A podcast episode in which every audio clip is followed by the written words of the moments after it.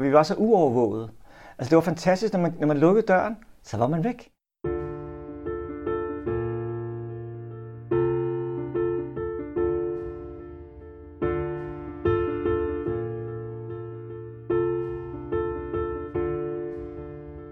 Lytter til Biblioteksklubben Salongen, en podcast fra Ishøj Bibliotek.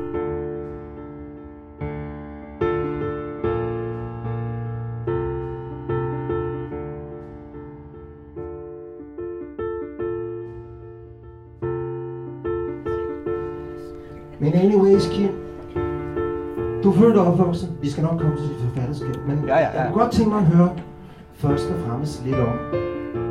Du er født og opvokset på Vesterbro. Eller i hvert fald født, Ja, så flyttede ja. du i en tidlig alder til øh, Hvidovre Ja. og derefter til Albertslund. Ja. Og det var i 60'erne og 70'erne. Ja. Hvad var det for en tid, og hvordan så det ud herude dengang? Øhm, altså Hvidovre var, var, det var det gamle Hvidovre, Hvidovre Torv. Øh, men, øh, men da jeg skulle starte i anden klasse, så havde, øh, så havde mine forældre, at det havde været et stykke tid under, under optræk, øh, min, øh, min adoptivfar ville have have. Og det var altså Albertslund, man fik have, øh, hvor man fik have. Og der, vi var jo first movers, så vi, var, øh, vi, vi købte den her grund. Og så hver søndag tog vi ud og så, hvor langt de var kommet. Sådan sidst. Det var sådan en fast ting, sådan søndagsturen. Og vi stod og kiggede på det der fundament og tænkte, her. Og så kom der jo vægge, og så, så på et tidspunkt var der sådan, her er dit værelse, og sådan, okay, kommer der tag? Øh, og det gjorde der jo, øh, altså, og, men, men det var jo ligesom de år, hvor Albertslund blev bygget. Altså man havde jo lavet stikvejene og byggemodnet, og, og gårdhusene var i gang. med De, der, de byggede jo et eller andet, jeg kan ikke huske mange om dagen, øh, med de her betonelementer. Og, og så var der det her landskab af uden hække og uden hegn, men hvor der var ligesom alle de her ty- typehuse strøget ud. Og så gik man sådan rundt, og vi, vi flyttede ind, og, og man kiggede ikke sådan ind i de andres haver. Sådan, fordi der, men, men, men øh, det var ligesom sådan, det, øh, og vores legepladser var byggepladser. Altså når håndværkerne tog hjem, så rykkede vi ind i de der huse, der ikke havde fået vinduer endnu. Og øh, elektrikerrør, stor ting, de der hvide. Øh, sådan en her, et hakkevær ende og en snor, så lavede man en udmærket flitsbue. Og øh, så, så der, efterhånden så lukkede de jo af efterhånden. Så der var færre og færre steder. Til sidst så var, vi så, så var, var det Vestskoven med de træerne, som cirka var så høje her. Og, og så ellers bare vejene. Vi rendte rundt på vejene. Men det var jo børnefamilier. Der var jo, altså, det var simpelthen øh, øh, øh, masser af børn. Som, øh, så der var masser at tage af. Og, og øh, der var ikke så meget... Altså nu her, øh, hvor min kreds med, vores børn skal gå i skole, og den bedste skole, og man besøger skolerne, og altså, min mor og far var sådan, skal du høre her, Elundsskolen, det er lige derovre. Held og lykke med det. Så det var jo så en, en ny skole med 1000 elever, og, øh, hvor, hvor, vi, øh, hvor, hvor vi brugte den hele, gik resten af min skoletid. Mm. Så det var ligesom, øh, ja, det var det, der hed en soveby, altså hvor man ligesom planlægger en by, øh, stisystemer, tunnel, øh, man kunne gå rundt alle vejen uden at komme ud i trafikken, øh, og ingen arbejdspladser rigtigt. Altså hvor øh, fædrene og, og til dels møderne mere og mere tog afsted der om morgenen, og så vendte de hjem om eftermiddagen, ind i carportene, og så lagde byen så sådan, øh, freden sænkede sig, og, og øh, man spiste. Og, altså, det var, det, så det var sådan en, en anden slags by end, end, øh, end, end København, de steder, som ligesom har er, er opstået af naturlig vej, eller hvad man skal sige. Det her var jo ligesom sådan en beslutning. Vi bygger en by til 30.000 mennesker. Hmm.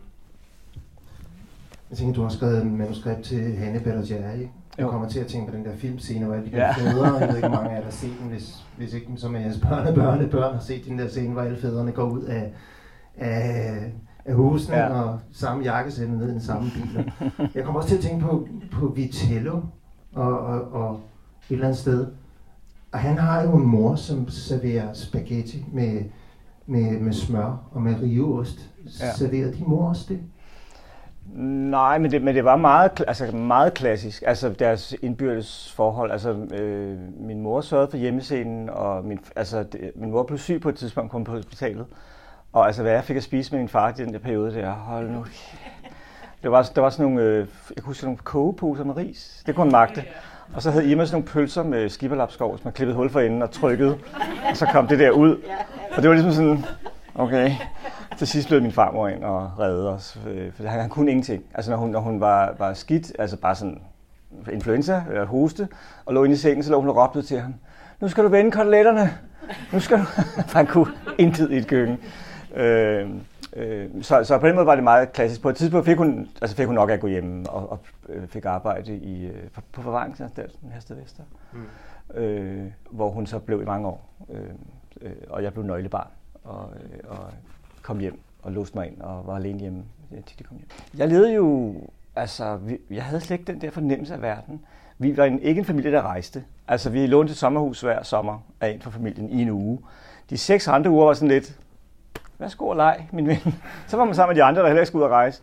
Jeg har været, vi var i Hartsen en gang, øh, biltur. Ellers så var vi simpelthen, jeg fløj første gang, da jeg var 22, tror jeg. Altså, vi var ikke en rejsende familie, og, og øh, der var ikke sådan på den måde, jeg havde ikke nogen fornemmelse af, hvad der skete andre steder i verden egentlig. Det var meget sådan lukket egentlig omkring mig, mit, mit liv, synes jeg. Øh, øh, og, og da jeg begyndte at, at blive ældre, så havde jeg sådan en klar fornemmelse af, at jeg var en anden. Altså end, end min mor og far. Øh, øh, og jeg var sådan, jeg havde ikke nogen rollemodel, jeg havde ikke noget sted at putte det hen. Jeg, jeg længtes efter noget andet, men jeg vidste ikke, hvad det var.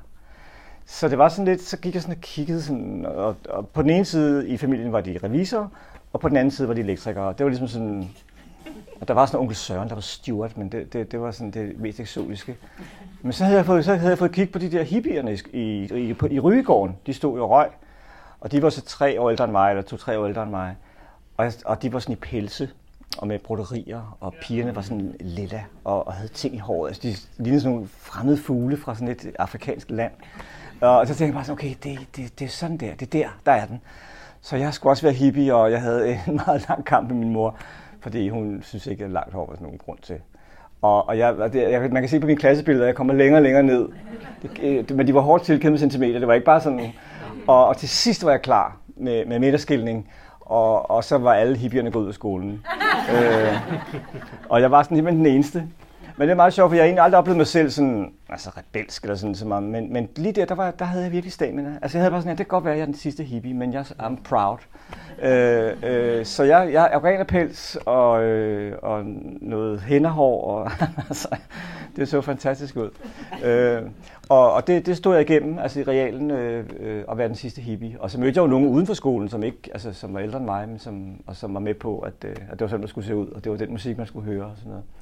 Så, øh, så det blev ligesom min, altså, min uniform i forhold til at vise, at jeg var en helt anden end min mor og og, og, og, og det, de havde, øh, det, det liv, der var der omkring. Jeg, sådan jeg tænker, noget af det, der sker vel også, da du kommer på, på, på gymnasiet i, i Vandensbæk, det var i hvert fald det, der skete for mig, da jeg kom på gymnasiet. Så begynder verden ligesom at ja. åbne sig, og i løbet af et halvt år, altså jeg er lidt yngre end dig, så det var de sorte 80, i løbet af et halvt år gik jeg også rundt med, med, med eyeliner og, og på, og måske har lidt det samme skamysler med mine forældre, der ikke forstå, hvad sker der med den der dreng? Nej.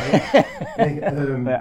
Men det jeg også oplevede, og det er jo et eller andet sted det med, at, at, at i løbet af, af, af gymnasiet, så der modnes, modnes man jo, men med et eller andet sted, vi bliver jo et eller andet sted flyvefærdige i den der periode. Der skal utrolig meget i løbet af de der år som, som teenager i gymnasiet, og vi er ligesom, bliver ligesom klar til at flyve fra, ja.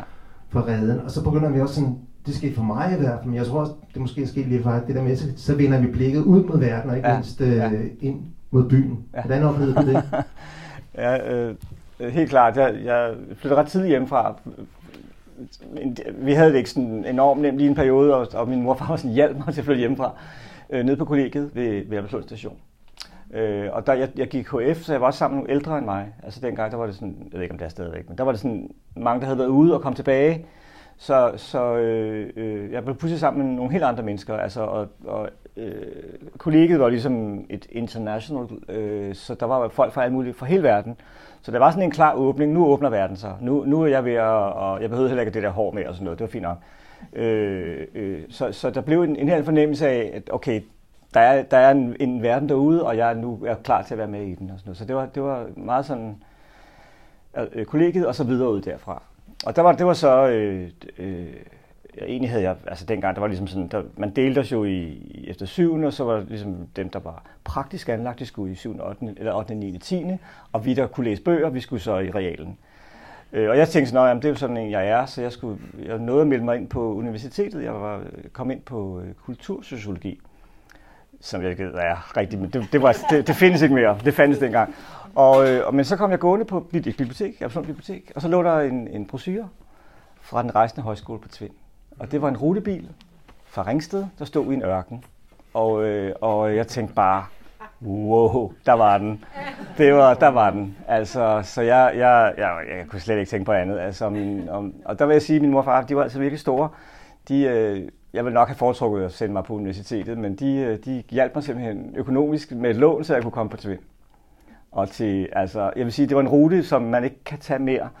Det var sådan Tyrkiet, Syrien, Libanon, Iran, Irak, Pakistan, Afghanistan og hjem igen. Det, jeg kan ikke anbefale den i, i dag, men, øh, men dengang kunne man godt. Øh, så det blev ligesom, og der, der, det var ligesom på, både meget konkret ud i verden, men jo også en, en, det endelige, altså, hvor jeg vendte aldrig tilbage til noget, der mindede om et almindeligt arbejde. Eller, altså, derfra, der var det, begyndte jeg at tegne og lavede mm. muligt andet. Ikke? Og, og, og fik jo sådan en, altså jeg, jeg kunne, vi kunne godt snakke længe tvind, og, og altså hvor, hvor hårdt de blev kørt der. Og, og, men, men, men det gav alligevel sådan en, jeg havde jo set med mine egne øjne, man kunne købe en rutebil i Ringsted. Så kunne man hive sæderne ud, så kunne man altså køre til Afghanistan. Jeg vidste ligesom pludselig, at om verden var sådan et sted, man kunne gøre ting i. Altså man kunne faktisk selv bestemme nogle ting i sit liv. Så det var ligesom sådan en helt afgørende erfaring, som, som, jeg, som så gjorde, at jeg, jeg bildte mig ind, jeg kunne leve af tegne og alt muligt senere hen. Mm. Så, så det var, øh, den pjæse der, den, øh, den var rimelig afgørende. Mm. Så du startede ud som uh, illustrator? Ja. Det lå, lå det i korten, at du skulle blive forfatter på det tidspunkt? Over, nej, nej, overhovedet ikke. Hvornår kom den tanke? Øh, jamen, der, der skete det, at, øh, at efter Tvind, der, altså det, det var... Altså, det var virkelig et, et smart sted i forhold til at, at manipulere og, og køre med os. Men, øh, men bagefter var vi nogen, som udmærket vidste, at vi skulle ikke ind i lærergruppen, ellers tak. Men vi vidste også, at vi skulle ikke heller hjem, altså tilbage, hvor vi kom fra. For der var alligevel sket for meget. Så vi flyttede sammen og flyttede til Næstved og begyndte at lave koncerter, og, altså kulturarrangementer øh, og sådan noget. Og så på den tidspunkt er der en, der siger, øh, plakat, og nogen, der kan tegne øh, stille. Og sådan, jeg kan godt tegne. Altså, jeg, var sådan, jeg var sådan en, der tegnede lidt i og formning og sådan noget, ikke? havde jeg jo haft. Og så begyndte jeg at tegne, til, og så var jeg sådan lidt, okay, jeg er ikke sådan super dårlig, eller sådan, og, jeg, og jeg, dengang var Claus Delerang, han var altså den helt store. Så jeg kiggede på ham, og så prøvede jeg bare at kopiere ham sådan set. Altså tænkte, okay, sådan laver han en hånd. Så sker der det, når man prøver at kopiere mesteren, at man, det kan man ikke. Men man finder sin egen streg. Så jeg fandt selv, nej okay, så så det sådan ud. Det var ikke helt ham, men, men det var derhen af. Og så jeg begyndte at tegne, altså døgnet rundt-agtigt. Og min mor og far fulgte jo lidt med på sidelinjen, og tog det pænt længe. Men, øh, men så viste det sig faktisk, altså ens mor og far har jo stort set haft ret i alt, hvad de har sagt, men, men jeg, jeg kunne faktisk godt leve af de der tegninger, fordi at vi i Danmark har fagblade. Altså, der er virkelig mange af dem. Og lige, altså meget handler også om timing, fordi lige de der år, øh, der skulle de alle sammen lægges om og have farver. Og lige pludselig så var det, jeg kunne med de der fjollede mænd og sådan noget, det var lige pludselig noget værd. Så jeg fik jobs som illustrator, øh, øh, alle mulige fagblade.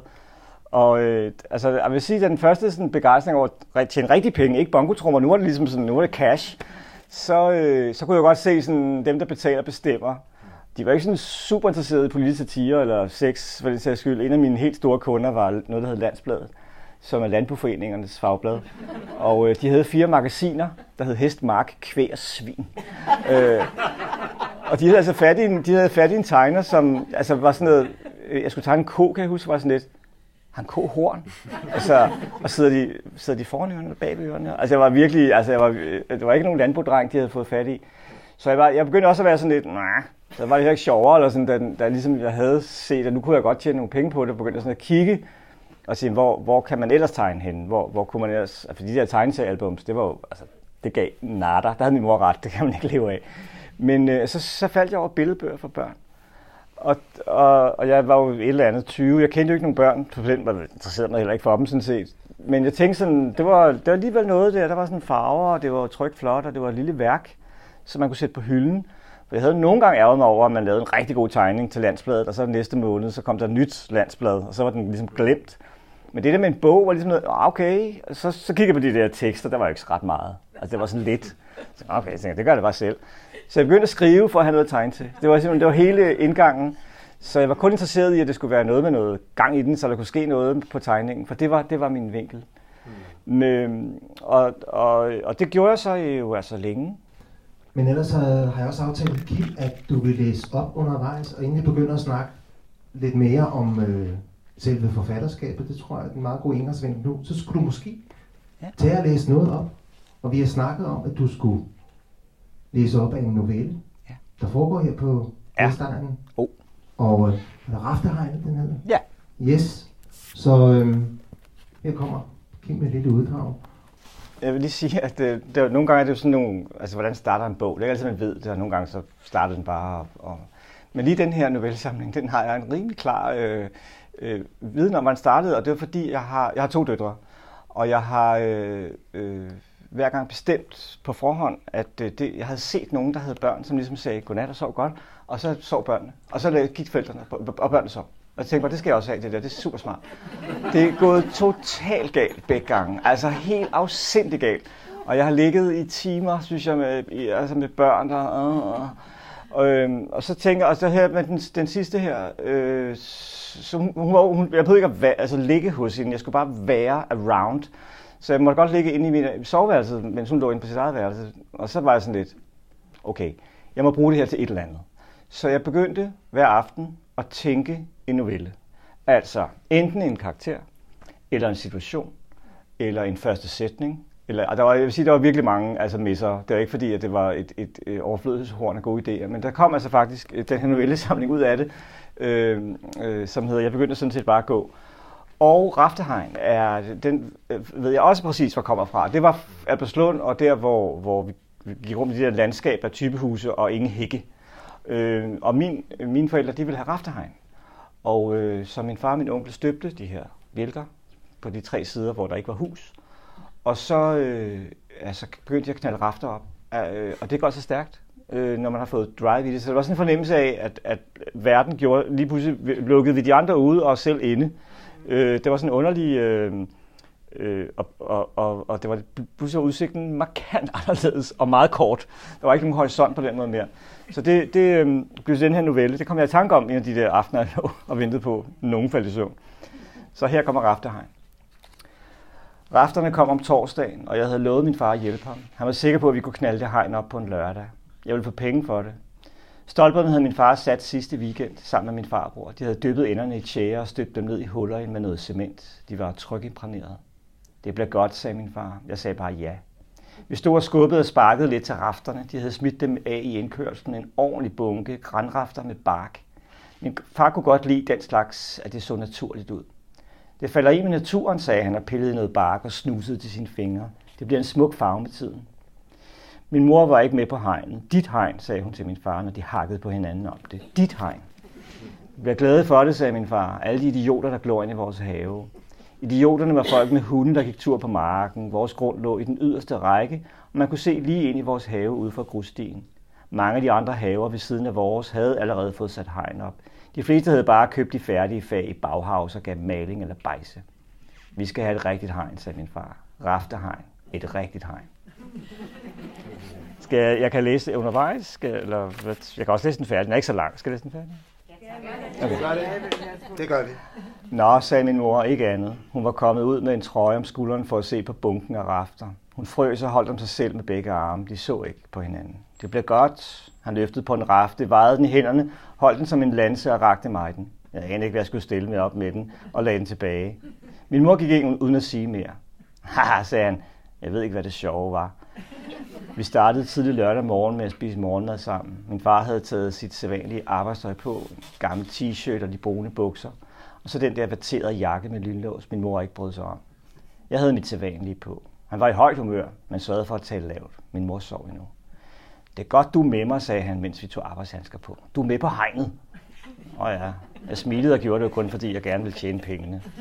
Vi gik ud til bunken og begyndte at slæbe rafter hen til skældet og stolperne. Han havde købt en masse galvaniseret søm og en ny hammer, så vi havde en hver. Han tog selv den nye, jeg fik den gamle.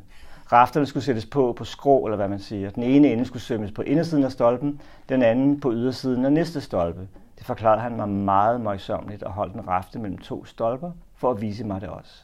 Jeg, jeg har fattet det, sagde jeg. Det bliver godt, sagde han igen.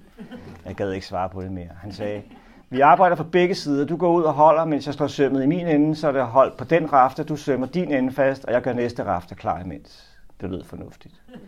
Jeg skulle tænkt over det, sagde han, og havde allerede lidt klar snot i overskægget. Jeg prøvede at lade være med at kigge på det. Heldigvis tørrede hans under næsen. Så gik vi i gang.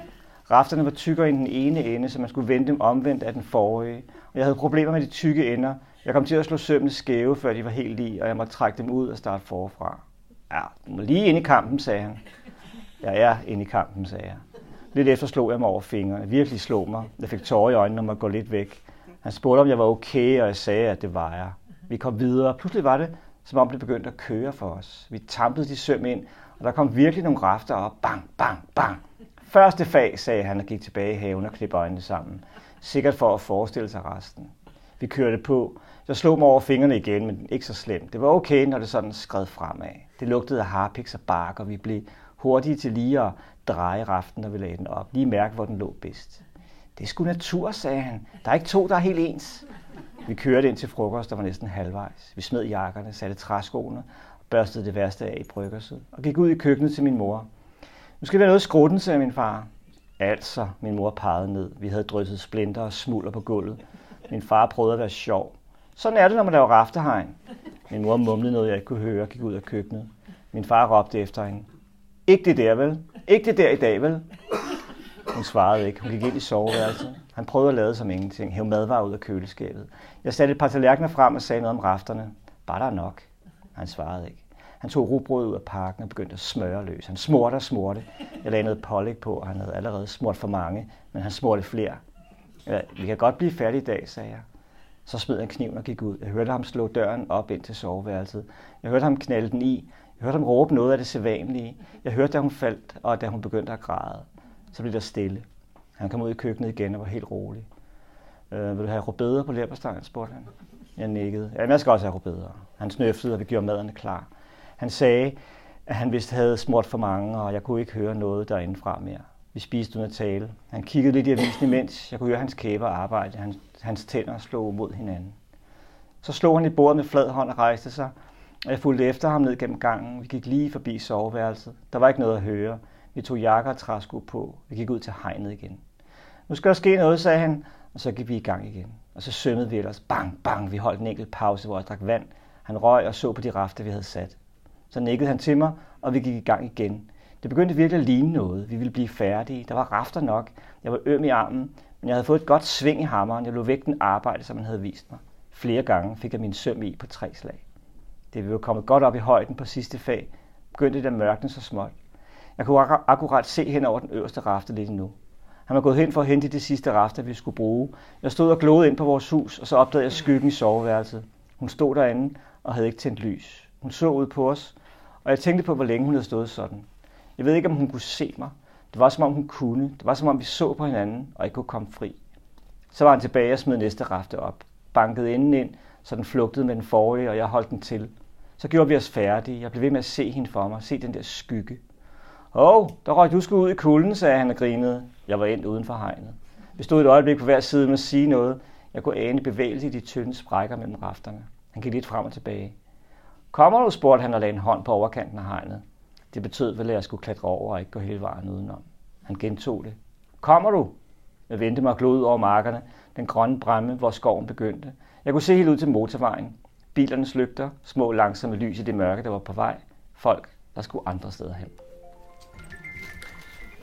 Tak for ordene, Kim. Øhm, i hvert fald en historie, jeg kan genkende visse elementer af. De der fædre med deres weekendbyggeprojekter, hvor, hvor sønnen bliver hævet med, hvor man både sådan det er sådan det der maskuline, det maskuline ja. fællesskab, der far-søn forholdet, det bliver både sådan noget opdragelse, og så er der alligevel nogle ting, som ikke helt går, som de skal, som den historie kommer ind på. Også, jeg kunne godt tænke mig at, at, at gå videre derfra, hvor du fortalte, hvor, hvor, hvor vi slap, før du begyndte at læse op det der med, at du begyndte at tegne, og så kom der efterhånden øh, mere og mere tekst på. Jeg tænker, der er jo alligevel lidt af et spring, ikke? Du sidder der og, og skal prøve at male en ko for nogle landboblade, og så få år efter, så, så laver du, du starter ud med at lave både noget graphic novel, men du laver også, og det er sådan noget, det var der, hvor jeg fik det første forhold til det, det var fordi jeg selv fik børn, og vi læste de her Sallys historier, og der er jo en, Sallys historier, de er jo i virkeligheden en, en, en, en samling af forskellige underfundige, jeg vil kalde det billedbøger, små mm. fortællinger, som er super sjove og, og underfundige, men også har et skær af, af magisk realisme. Jeg kan huske en, der hedder Herr Wilders Stjerne, som så vidt jeg kan huske, handler om herr Wilder, som, som, som plukker en stjerne op på himlen. Og så tager han den hjem og plejer og passer den, fordi han er jo lidt ensom. Men så blegner den her stjerne jo, og så finder han ud af, at stjerner de fungerer jo bedst og lyser allerbedst op på den høje, mørke nattehimmel. En skøn fortælling. Hvor er det der spring der fra, fra, fra, fra, fra øh, illustrationer i, i landbobadet til, til de her til de her underfundige børnefortællinger, der begynder at lave. Hvad er det, der, der sker op i hovedet på dig?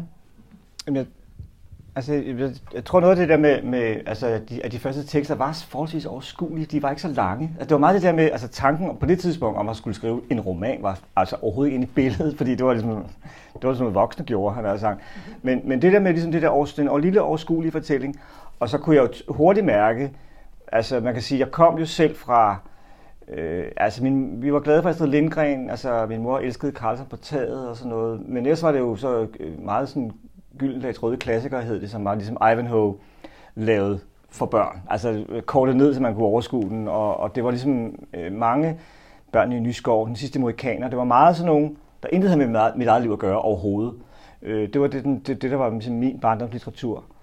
Øh, og da jeg selv begyndte at skrive, så, så var det så øh, faktisk Ole Lund Kirkegaard, som jeg slet ikke havde kendt som barn, men jeg havde kendt ham i min tid som pædagogmedhjælper i en børnehave, hvor jeg havde, uden at tænke ellers over det, havde noteret mig, at jeg kunne have det sjovt, og de kunne have det sjovt samtidig, børnene. Øh, det synes jeg var en fin ting, øh, fordi der var så meget, der var kedeligt, når man havde med børn at gøre, men lige det, der var ret sjovt, og det var meget hans bøger. Altså Gummitarsen og, og den humor og den sproglighed, øh, mundtlighed også, han havde sine ting, kunne jeg godt lide. Så, så da jeg startede med at tegne, var der Claus Ranke planket, og da jeg begyndte at skrive, så var der Ullum Lund Kierkegaard planket. øhm, og, og, og så skete, skete der jo det, at, at man begynder at skrive, og han har sagt, opdager, hvem man er. Altså man finder jo sin stemme, man, man opdager jo også, at man ikke er hvem som helst. Især på filmskolen var det en stor skuffelse for mig, fordi øh, jeg havde, der var det Kislovski og Dekalog, jeg ved ikke, jeg kan huske, det var sådan 10 ret altså mørke, men fantastiske øh, øh, tv-historier, eller en time, tror jeg, de varede. Øh, og jeg var, jeg var bare, da jeg startede filmskolen, var sådan, det er mig, det der, det er lige mig. Og, og det foregik også sådan noget øh, øh, soppebyggeri og sådan noget, som jeg, som jeg kendte til, synes jeg. Så jeg var helt klar. Og så hver gang jeg læste en, en synops op for de andre i klassen, så fnisede de, fordi det var en komedie. Jeg var sådan, nej, mega alvorligt. øh, så, men altså, der, der begyndte jeg ligesom at, at, at finde ud af, altså finde en måde at skrive på, som var mig. Og, og, og det var jo, altså det er klart relateret til Ole Kierkegaard. Altså det, i, i, og har, og har alle mine, eller alle, begge mine døtre er blevet tvunget igennem hans forfatterskab. Øhm, og, og, øh, men, men, men det, blev så alligevel noget lidt andet, fordi det var mig og ikke ham. Så, så øh, det var på den måde, det, det blev langsomt bygget op, kan man sige. Og, og på et tidspunkt, hvor jeg var rigtig træt af at tegne, og man kan godt se det på de sidste billedbøger, jeg selv illustrerede, der, øh, der er det den dogne tegner. Øh, der er ikke noget baggrund. Øh, og så, så var der ligesom, det der stod, var tegnet. Og, og jeg vidste godt selv, det var ved at være slut, fordi det, jeg kunne bare se, det, det, det gik altså ikke. Det var skriften, der ligesom var blevet det. Øh, og så skrev jeg den første, øh, en i roman, jeg skrev, hed Englebarnet og foregår i, i ja, det er sådan ishøjagtigt øh, øh, et, et højhusbyggeri, eller sådan et etagebyggeri, hvor der falder en engel ned på en altan øh, og har slået sig voldsomt, og en, en ensom dreng begynder at pleje den for at gøre den flyve klar. Øh, og isolerer sig mere og mere øh, i forhold til, at ingen andre må se den her engel. Så det er sådan en ensomhedshistorie, øh, som jeg, øh, jeg vil ikke sige, jeg kendte til, men altså kendte til det der med at føle sig ensom, fordi jeg var som sagt den sidste hippie. Jeg var ikke den sidste mohikaner, jeg var den sidste hippie. Øhm, og, og kendte til det der med at være alene og, og måtte underholde sig selv og sådan noget. Så, så, men det var ligesom sådan langsomt skridt fremad imod den der roman uden tegninger i. Øh, øh, og, og, øh, og så tænkte jeg sådan, om det er også det er fint, jeg kunne stadig godt, jeg var jo nødt til at tegne stadigvæk for at tjene de der penge. Og så kunne jeg skrive, øh, pendle frem og tilbage. Men, da, men efter 10 år, der kunne jeg bare mærke, det, altså det der er med at være forfatter, det, det er mm, så ensomt. Altså der, man er bare øh, hjemme, hjemme, og det er det, man er. Man sidder og skriver derhjemme. Og så kommer der, hvis man er sammen med nogen, kommer der en hjem til sidst, og, og så spiser man sammen med den. Men det, der var virkelig ikke meget energi, eller meget sådan i forhold til at møde andre mennesker og sådan noget. Og så var det, jeg søgte ind på filmskolen øh, midt i 90'erne. Øh, øh, på manuskriptlinjen, som dengang var en kort uddannelse, mm. halvanden år. Og der, der skete så det, at, at øh, øh, der, er jo, der, der kigger man jo på historier på en helt anden måde, øh, fordi der er økonomi i. Altså det, der er noget, der dyrer end andet simpelthen. Og det kan være en god idé i en bog, der er nogle elefanter. Det er en virkelig dårlig idé, når man skal lave film. Og det er bare sådan, elefanter er du tosset, mand. Altså, fordi alle ser for sig blokvogn og, og hø, og hvor skal de være om natten? Og, altså, så alt er lige pludselig meget sådan konkret dyrt. Og vi fik simpelthen en seddel fra Peter Olbæk, der hed sådan her, øh, 10 gode råd til manuskriptforfatteren, der gerne vil have deres øh, film produceret. Øh, din film øh, foregår ikke mere end 16 km fra rådhuspladsen. Det passede faktisk med at du sjovt nok. Øh, og det er fordi, det der med at lave film på Møn, det er bare sådan en halvanden time på landevejen, og halvanden time hjem igen, hvor folk bonger ind. Øh, men man laver ikke film, man kører, man sidder i en bil. Så det er meget bedre med, med, med altså København og, og omegn.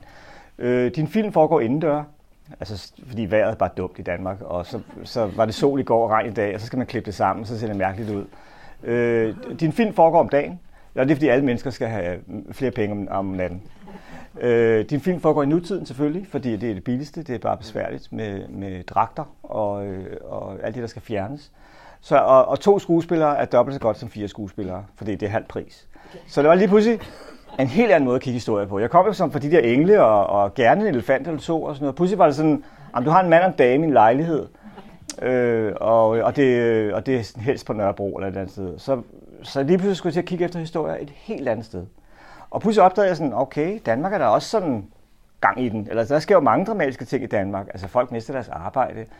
Og det var meget filmskolen, som, øh, som gav mig det blik. Fordi jeg havde været så optaget af fantasien og, og øh, alt det fantastiske, der kunne ske i en børnebog. Nu bliver jeg optaget af alt det, der kan ske i Danmark og nu og, og øh, i familien. Meget med familien også, som, øh, som de historier der, som vi, som vi laver, når vi er sammen med hinanden. Du er jo omkring rigtig meget, også her de første år. Du laver også nogle, nogle, nogle, nogle graphic novels, og så skriver du et par, par ungdomsromaner. Ja. Og der er vi indtil midten af 90'erne eller sådan noget. Ja. Og du debuterer så med din første voksenroman der i 93, tror jeg det er. Der er nogen, der siger, at, at, at uden at se ned på børnelitteratur og børnefilm i det hele taget, så er der nogen, der, der karakteriserer det sådan, lidt som en læretid, før man begynder så at skrive noget for voksne. Men, men, men du har jo bibeholdt det. Det er jo ligesom, at du kan jo fuldstændig frit og frejdigt vælge, hvad du vil. Ja. Nu har du skrevet den her uh, bådens navn, som vi skal læse til vinter, og så har du lige lavet tre uh, børnefortællinger om uh, Jesu lignelse ja. for børn og sådan noget. Det, er det sådan, du har en forskellige mindset, eller forskellige kims, så er der en til, til børnelitteraturen, så er der en til graphic novel, så er der en til filmmanuskrifter og sådan noget. Hvordan, hvordan kan ja. du holde styr på det?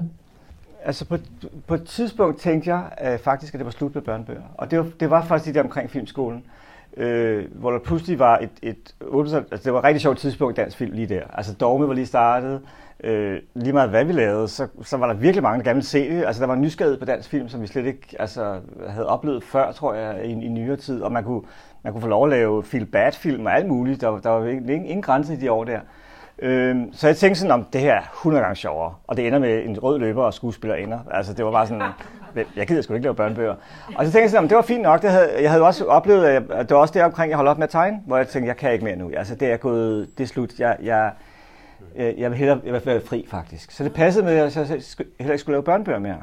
Og så, øh, så skete der så det øh, sideløbende med, at jeg begyndte at, at skrive film og, og, øh, og det liv der, at, øh, at Gyldendal spurgte, om ikke jeg ville skrive en tekst til Designskolen i Kolding. Og det var fordi, at hvert år fik de sendt fra dem, der gik på grafik, deres afgangsprojekter, som tit var billedbøger. Det er jo ikke så mærkeligt. Og øh, tit med, med høj kvalitet illustration, men ikke så tit med gode historier. Så de foreslog, at jeg skrev en tekst til, øh, til Kolding, og så øh, tegnede, kunne de, så vidste de, at de var godkendt af Gyldenlag den her historie, og så kunne de så øh, byde ind med, med de forskellige tegninger. Og så, øh, så spurgte jeg, om jeg, ville, altså, jeg ville om at se, hvad de havde fået ud af det, og øh, så, så gik jeg rundt der i over i Kolding, og så kunne jeg se den samme historie udsat for 16 forskellige illustratorer. Og det var ret vildt, fordi teksten var jo den samme, men den ændrede sig afhængig af, hvem det var, der tegnede. Det var, en, øh, det var sådan en omvendt historie. Øh, øh, en monsterfamilie skal lægge den der monsterunge i seng, og der er hele tiden noget galt. Så, øh, det, så er der ikke nok glasgård i sengen, og så er der for lyst, der skal være mørkere, og, og til sidst er den der monsterunge bange for at lægge et barn under sengen. Og, øh, og der var en af, en af øh, opslagene, som handlede om, når mor og far skulle hygge sig, når de troede, at unge var om sider og i søvn. så sloges, de og smadrede flasker. Det var sådan en aftenhygge i monsterfamilien der. Og der var så nogle, nogle af de der øh, gutter der i, i, i lederjakker og eyeliner, som havde, det var sådan noget, de havde altså meget voldsomme tegninger med nogle øh, rimelig hæftige slagsmål, vil jeg sige. Og så var der en, en pige, hun havde lavet øh, det der med at smadre flasker. Der var øh, monsterfar, han havde slips og skjorte på, og små horn og pibe, og så kunne den der flaske få en på med, med en lille lægtehammer. Og jeg tænkte bare, okay, nu er det en ny historie, altså en helt anderledes historie. Og det var ligesom, opdagede jeg ligesom, det var det, jeg havde manglet. Jeg havde manglet simpelthen nogen, der kom og gav noget andet, end jeg selv gav, når jeg skrev historien. Jeg havde simpelthen manglet modstand og overraskelse. Og pludselig tænkte jeg, jamen jeg kan da bare få nogen til at tegne. Altså det er jo det, jeg ikke gider. Så, og, og der fik jeg ligesom en anden luft med, med børnebøgerne. Jeg tænkte bare, og alle dem, jeg havde været misundelig på, dem køber jeg da bare nu til at tegne for mig. Så lige pludselig så var det sådan et, at jeg havde været så frustreret over det, jeg ikke kunne som tegner, og jeg havde sådan en dårlig streg og sådan noget. Så pludselig var jeg sådan, kunne du tænke dig? så var, og der var masser af tegnere, som ikke skriver selv, altså, så, så alle var glade. Og så fik jeg ligesom en anden luft, og, og, øh, og jeg vil sige, noget af det, som man, der er med film, altså, et, øh, altså der, der, der, altså, jo, med romaner er det, er det hårdt, at det er så lang, langt et arbejde, og man risikerer, jeg har jo engang prøvet at stå med 300 sider og tænke, not, altså om at smide dem ud. Det er ret hårdt på den måde, at er romanarbejdet sådan lidt angstfyldt, og det er film også, og det er mere noget med alle de penge, der er på højkant. Man sidder i sådan et rum, hvor, hvor ah, er 18 millioner kroner, kunne du lave det lidt lysere slutning? Kunne du lave dem lidt sødere? Kunne du, altså, hvor der er sådan øh, mere hjertevarme? Altså, som er nogle gange irriterende at have ind over sin historie. Hvis nu det ikke er sådan en historie med hjertevarme, og, og altså på den måde. Så pludselig opdagede jeg, at børnebøgerne var i faktisk et af de steder, hvor det var nemmest at være. Fordi går det galt, at man har skrevet noget, altså så er det, uh, 12 sider, eller, eller 4, eller hvad meget det nu fylder. Altså det er ingenting, hvor man, hvor man tænker, det kan jeg godt overleve, og det ikke blev. Så man blev meget mere modig egentlig på at satse og prøve og eksperimentere og se, hvad sker der, hvis jeg gør sådan, hvad sker der, hvis jeg gør sådan. Øhm, men, men også, at, øh, at, at bogforlag kan være meget modigere end filmselskaber. Altså, fordi der er ikke nogen, der, der har en filmselskab, som siger, nå, jeg kan godt tage 20 snedens op på. Øh, der er nok ikke nogen, der vil se den, men skide med det, vi laver den alligevel. Det er der ikke nogen, der siger. Øh, men det siger man jo over, over i bøgerne. Altså, jeg har jo tit fået at vide, okay, man er måske lige på den smalle, den her, men øh, vi laver den alligevel. Altså, der er jo en helt, der er slet ikke en investering som på samme måde. Så jeg opdagede jo, at børnebøgerne var et, et, et sted, hvor man kan være meget modig og prøve alt muligt, og ikke mindst i Danmark, som, som har et meget modigt børnekulturelt altså miljø i forhold til mange andre lande. Ikke? Mm. Altså vi tør ting og prøver ting. Altså Oscar K. han vil blive altså, hængt op i, i, i, på jul og stejle i andre lande. Men her har han en karriere og udgiver ting, som er helt... Jeg ved ikke, om I kender hans ting, er der virkelig der selv jeg bliver sådan lidt, nej, helt ærligt, kan man det til børn? Øh, og det, det, er jo, altså, det gør jo, at, at, at både tegnerne og, og forfatterne har altså en, en fælles dannelsesrejse, som er ret vild i forhold til. Så jeg opdagede, at, øh, at, øh, at det var et rart sted at være også, selvom at jeg havde fået gang i filmene og, og øh, øh, en, en, altså historie for voksne, eller man skal sige, historie fra mit voksenliv. Mm. Og jeg opdagede jo også, at det er, altså, man, er jo, man har jo det hele i sig, altså alle aldrene er der jo. Øh, så jeg kunne sagtens gå ind igen og, være, og, og skrive mig at være teenager, eller skrive mig at være barn, eller skrive øh, historier, med, med, øh, som, som foregik i et, i et univers, hvor der var børn.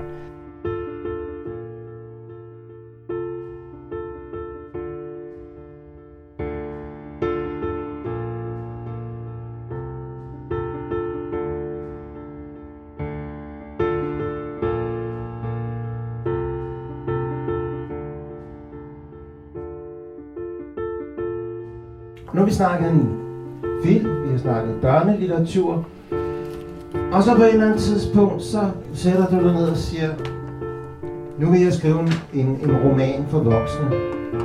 Og så bliver der noget med en hel masse meta-ting og sager, og nogen fortæller, dig en, en, en bog om en fortæller, der sætter sig ned og fortæller en, en fortælling. Hvordan kom du ligesom fra det der børnelitteratur til til voksenlitteratur, tænkte du, at nu har jeg aftjent min værnepligt, nu skal jeg til at skrive rigtige bøger. Eller hvordan var det, det ved?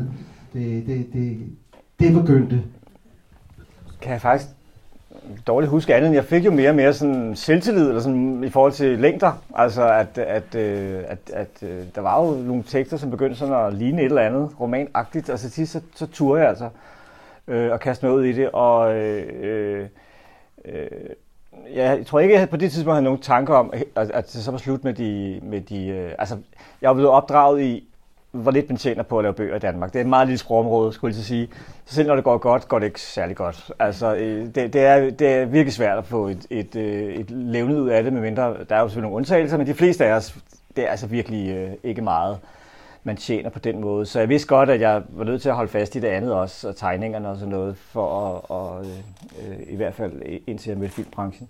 Men, øh, men øh, øh, øh det var, det var jo øh, super interessant at, at, at blive en tekst så længe. Altså det, havde, det, det der er, jo, er jo det, der er med en, en, en børnebog eller en billedbogsfortælling, at man er hurtigt ud af den igen også. Altså det er jo ikke sådan, at den lever videre eller sådan i en. Altså hvor en roman lige pludselig er lang tid, hvor man er i et, i et univers og har et blik, og, og øh, øh, øh det er jo det, øh, når man skriver noget og er inde i det, så er det som om verden ikke handler om andet.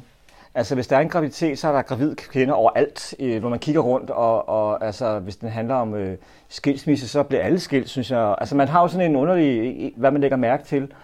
Øh, og, der er, og det at være i en roman er en slags briller, man kan tage på, som, som var spændende at være i længere tid. Altså det gav noget andet simpelthen, end de der hit and run, som en, en billedbog kan være. Så, øh, så jeg var glad for at, øh, at have erobret, hvad skal man sige, den mulighed, men jeg var også øh, klar over stadigvæk, at, at jeg, var ikke, jeg havde ikke forladt børnebørn på det her tidspunkt, eller havde nogle tanker om det. Det, det, var, det var fint sammen. Øh, og øh, øh, ja, og som sagt, altså, jeg, jeg var, var ligesom, altså det, man, man, man kan ikke beskylde os for at gøre det for pengenes skyld. Altså lige, lige romaner. Det er, det er noget af det værste, der har lavet rent økonomisk, men, men det, det var, der var en, en, en glæde ved at, at være i det så længe, altså blive så længe, være i så længe i den samme historie, var noget nyt for mig. Ikke? Det er jo så med årene blevet til ni voksenromaner. Plus alt det andet, du, du, du laver.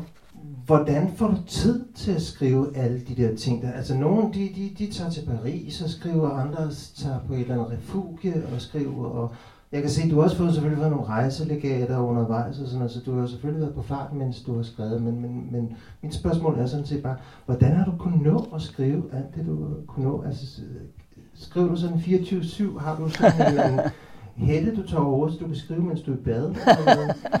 det er klart. Øh, nej, altså jeg vil sige, at, at øh, som, som dansorel, jeg holder af hverdagen, altså det er meget sjovt med, med at, at være forfatter, kan man jo sidde alle mulige steder i verden, og på alle mulige tidspunkter, og det er jo det er bare en bærbar, og så er man der. Min, jeg, jeg, min hverdag ligner så meget, altså en HK-ansat. Jeg går ligesom de der børn, skole eller et eller andet, og så går jeg på kontoret. Det er jo meget interessant det der med, med, med forfatters processer, de er, de er så forskellige.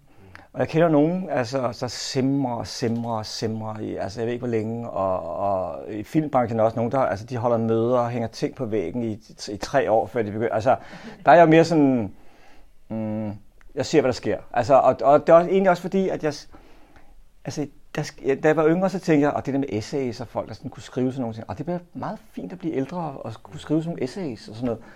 not. Altså, jeg, jeg tænker ikke særlig interessante ting, sådan i min, altså, når jeg sådan står op, eller sådan, det er ikke sådan, men nogle gange, når jeg skriver, og fordi jeg ikke, jeg tillader mig at, at, at gøre det, og, og jeg risikerer også at være dum, eller sådan, men nogle gange får jeg skrevet mig ind i noget, som jeg ikke kunne have tænkt. Altså, der kommer ligesom sådan en, en, en, en, en altså fordi, at, at, at der sker et eller andet. Teksten lever, og teksten kræver, og det dur ikke, og så går man derhen, og pludselig sådan, det skulle da meget godt det her. Altså, altså som, som er en arbejdsmetode, kan man sige. Ikke? At farten har også en mening, eller sådan. Og så, øh, så, så er det, det er jo også meget forskelligt. Jeg, er jo, jeg kan jo sagtens have flere ting i gang, af gangen, og det er jo en stor ting i forhold til eksempelvis film. Mm. Altså det er ikke sådan noget, jeg gør sådan, altså gerne, men jeg kan. Altså, og det er jo sådan en temperamentsting, at jeg, det generer mig ikke at have, have ting liggende, som ikke er færdige, og, og, som, som, øh, og så, så kan jeg sagtens lave noget, mens, mens jeg venter. Og jeg bruger det også nogle gange som sådan en, man går nogle gange i stå, møder en mur, og så tænker man, hvad sker der her? Og så kan det nogle gange faktisk godt virke at lægge det væk og lave noget andet, og så vende tilbage til det, og så tænke, nå, okay, nu ved jeg, hvad der skal ske. Altså, det ligger nogle gange og gære på sådan en måde, som gør, at man, man rent faktisk godt kan, kan have glæde af ikke at, ikke at sidde og banke hovedet ind i, ind i væggen, men, øh, men lave noget andet i stedet for. Mm. Og så synes jeg også, at arbejdet er generøst. Altså, altså, det, altså i starten tænkte jeg, gud, hvad nu hvis man har sådan et, det er sådan et kar, og så tømmer man det for idéer, og så er man tom.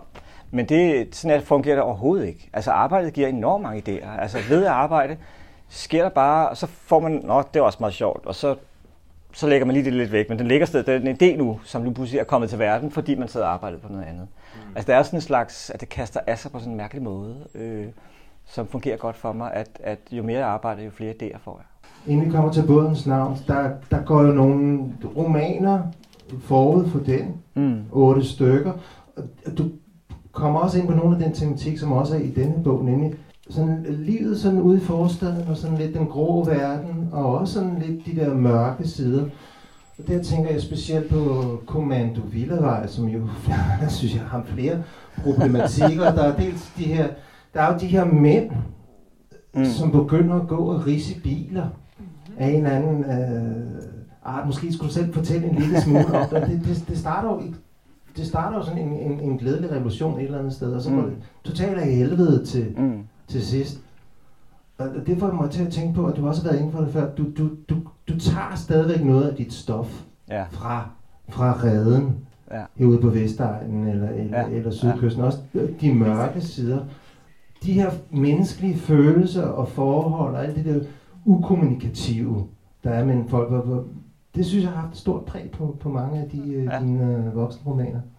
Der, der, var, der var et sted, vi kom, jeg kan ikke huske, hvor det var, hvor der stod noget om voksenlivets skuffelser, som jeg synes var, var interessant, og som jeg tror også, jeg har, jeg har trukket på, uden at sådan have tænkt tanken. Men, men, øh, men jeg har en, en papsøn nu, som er, som er 17, og altså, der bliver altså drømt grådigt og voldsomt om alt det, der skal ske i hans liv. Altså, øh, Øh, øh, både øh, udover altså, altså bosætte sig på Mars, og, og så også, øh, øh, han skal være billedkunstner, og han skal også tjene en masse penge og lave en app, og altså, der er jo ikke nogen grænser, når man drømmer. Altså, det er jo bare derudad. Altså, og, og så kan man sige, det, øh, og han skal også bo i Berlin lige om lidt og sådan noget. Og, og man vil jo nødig... Øh, men, problemet er sådan lidt at, at sige til ham, altså fordi nogle, mange af de kunstnere, der kommer i vores hjem, er lykkedes. Altså de, de lever af det, de maler. Martin Bigum, han har selv et billede for et, over 100.000. Så jeg bare sige, på en måde, det er ikke sikkert. Altså, det, altså, det er ikke sikkert, man kan. Altså, det, samtidig med, at man ikke sådan tage pusten fra, man skal da bare køre det ud af. Men voksenlivet er jo noget andet. Altså, det er jo mange af de der drømme møder jo en virkelighed, der hedder husleje, Berlin. Øh, mm, hvad, der, mm, der er ikke nogen, der vil købe dine billeder, eller hvad, hvad vil du gøre ved det? Altså, der er jo meget, som ligesom bliver noget andet. Og, og som jo måske har, ikke har samme flyvehøjde, som de der drømme, man havde, da man var ung. Så, så på den måde er der, er der tit noget øh, i flere af mine ting, tror jeg, hvor, hvor det, der, det der øjeblik, hvor man opdager, at døre lukker sig, Mm. Øh, der er ikke længere sådan et åbent landskab af fantastiske ting, der kunne ske. Det virker sådan lidt... Så, men, men det der øjeblik, hvor, hvor pludselig er der ikke længere sådan måske så meget drøm tilbage, eller så meget tilbage af det, man drømte i sin tid. At den der, den der skuffelse, eller den der resignation, eller som kan ramme med, med enten skilsmisse eller panikalder, eller bare sådan trist humør, eller sådan. Det, det, det er et sted, jeg godt, jeg vil ikke sige, jeg kan lide at være der, men det, det, jeg synes, det er produktivt, altså, hvad skal man sige, det, det er et spændende sted at være, synes jeg. Øh, og der på den måde, der ændrer ens, altså hvad man skriver om, ændrer sig også igennem livet. Altså pludselig blev det der med at være forældre, jeg synes, det var en kæmpe ting at blive forældre. Altså skræmmende og redselsfuldt og fantastisk, og jeg, jeg fik sådan mit yngelpleje var helt op at ringe, og ingen havde advaret mig om, at man bliver bange, når man får babyer. Jeg troede, det var sådan noget med søvn og blæer og sådan noget. Man bliver hunderad, for der skal ske noget, og, og jeg synes bare, at verden var fuld af spritbilister og, og pædofile, og øh, altså jeg, man jo helt tosset, altså når man bliver, bliver forældre, ikke? Mm. Så pludselig var der noget andet at skrive om, altså, altså end, end jeg havde været vant til. Og sådan noget. På den måde, altså, nu kan jeg jo bare se, at der, der, der sker jo alle mulige faserne, som man skal slås med, som er helt forskelligt. Og, og det, det er klart, det, det, der, der følger ens liv også noget af det, som man synes er spændende at skrive om. Har vi for store forventninger til, øh, til livet? Er vi for højt på behovspyramiden i forhold til, hvad, hvad, hvad livet i virkeligheden kan opfylde af, af længsler og behov? Bør vi sådan besinde os lidt, være lidt mere realistiske og taknemmelige, eller hvad synes du? Oh, det, var, det, var det, det, det var et godt spørgsmål. Altså, nej, jeg synes jo også, altså, jeg synes jo, der kommer, altså, jeg synes, der kommer meget ud af drømmen, eller sådan, altså, det er jo også der, det sker, eller sådan, og, jeg, og som sagt, jeg, jeg, jeg kan på en måde, jeg har jeg respekt for, at, at man sent i livet også kigger på hinanden og siger, nej, nu er ikke, nu er ikke mere. Altså, altså da, da min far døde, så, så tror jeg, at min mor troede, at, at nu var der ikke flere ægteskaber i hende, eller sådan. Mm. Så flyttede hun til Frederiksberg, og, og så begyndte hun sådan at snakke om den der politimester, øh, foranværende, der boede overfor. Og hans uendelige historie fra Grønland. Og de er uendelige, siger hun, de er uendelige. Og så, så snakkede hun lidt pænere om ham, og så var han en af dem, der skulle med til hendes fødselsdag, øh, da hun fyldte 75. Og så kom hun så og sagde, at jeg tror også, at jeg har fået en kæreste. og, øh, og hans datter kom ned fra Grønland og, og skulle hjælpe ham med at pakke lejlighed sammen, og alle sagde til hende, skal han på plejehjem? Nej, han flytter sammen med sin nye dame. Der var, der var han altså 80, ikke? Så det var også noget med altså det der med altså, holde sig åben, eller sådan, det, det tror jeg er vigtigt, altså, at man, man holder sig åben for også at lytte til, om man har et godt liv stadigvæk, eller om man kan gøre noget ved det, eller sådan, altså, øh, jeg, jeg, jeg, synes jo for eksempel, jeg synes, der er alt for meget snak om sådan noget kroppens forfald og sådan noget. Jeg tænker sådan, Jamen prøv at høre, altså jeg, jeg, jeg har et hjerte, der har, der har banket 24-7 altså i, i 60 år, altså, og, og den kan cykle, og den kan tage trapperne, og den kan altså, spille tennis, hvis det skal være. Ikke særlig godt, men alligevel.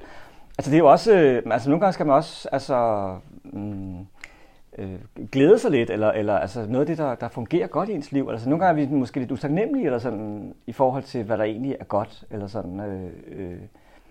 Så jeg synes, en anden, jeg synes, man skal drømme, og også have en, en åbenhed, men man, måske også en, et, et, altså kigge på sit liv som de kvaliteter, der også er, og, og øh, det de, det, der, der gør en glad, og det, som er, er, er godt. Altså det, det gode liv øh, er jo mange ting, og, og, og det er også, at man har en krop, som stadigvæk dur og sådan noget. Øh, øh. Så, det, så, så, så jeg vil sige ja nej, hvis det giver mening. Mm. Det giver absolut mening. Og så, så sådan et lidt kønnet spørgsmål. Nu sidder vi jo to mænd heroppe, så det må vi godt spørge hinanden om. Der er jo noget med de der mænd der, især ja. specielt i uh, Kommando Villavej. Der er noget desolicineret, noget, noget sådan lidt manisk over dem, tænker jeg. Og så er der den der far til Vitello, som er forsvundet, og når Vitello spørger, det er så de her børnebøger, der står, og når Vitello spørger om til sin far, så får han sådan det der kategoriske svar, men han var bare en sjuft. Det skal ikke. Sådan er det. Hvad er det med os mænd, Har vi et problem, eller hvad? Det har vi helt sikkert. Øh, jeg vil sige, jeg har, jeg har jo sådan en, en, en meget mærkelig farhistorie. for Når jeg siger min far, så er det min adoptivfar. Og, øh, og man kan se i mine børnebøger, der er mange fraværende fædre. Øh, der er mange fædre, der ikke er der. Og det, det var fordi, at min mor og far blev skilt i Hvidovre. Øh, jeg var fem. Og min biologiske far får øh, øh ny familie, det gør min, min mor også, så kommer en ny mand ind i vores liv, og øh, øh jeg ser min far hver anden weekend, øh, som man gjorde dengang. Og øh, da jeg er 11, så fortæller han min mor, at øh, han gerne vil være fri nu, for mere med mig. Og, og, og jeg, min mor var, var indlagt, fordi hun, min, hun, hun skulle have min søster og, og var ved at tabe hende hele tiden. Så hun lå på det der sådan vinterbørns afdeling der, da, da, han, da han meddelte det. Og så det var min adoptiv, eller det, ham der blev min adoptivfar, min papfar, han skulle, det var ham, der skulle fortælle mig det. Og han spurgte mig en tirsdag, om jeg ville have en sodavand. Og jeg tænkte bare, en sodavand på en tirsdag. Der er noget galt her. Og det var der så også. Øh, og så fik, fik jeg så at vide, at, øh, at min far havde frabedt sig øh, altså mere af det der hver en weekend. Øh, og så så jeg ham ikke i 20 år. Øh, men, men heldigvis havde jeg så her så Kalle, som så adopterede mig, og, og øh, som jeg også endte med at kalde far. Og, og da han døde, tænkte jeg, min, men nu var min far død, og da jeg følte mig sådan faderløs. Men, men, øh, men det, det er klart, det er sådan noget der, som sådan en fraværende mand der. Altså det blev jo, altså på et tidspunkt var, især da jeg kom i puberteten, var sådan, hvad er han, eller hvor kommer jeg fra, eller hvad er det for noget? Og jeg synes ikke, jeg kunne finde ud af at opsøge ham, fordi han selv havde ligesom trukket sig, eller sådan sagt, mm. at det var, det var ikke, ikke noget mere med det. Men, så, så på den måde har det fyldt meget af mit liv, tror jeg, alligevel. Altså sådan, også måske noget af det der produktivitet og sådan noget, se mig far, eller altså der, det kan jo godt være sådan noget, der, der også er i det, det ved jeg ikke.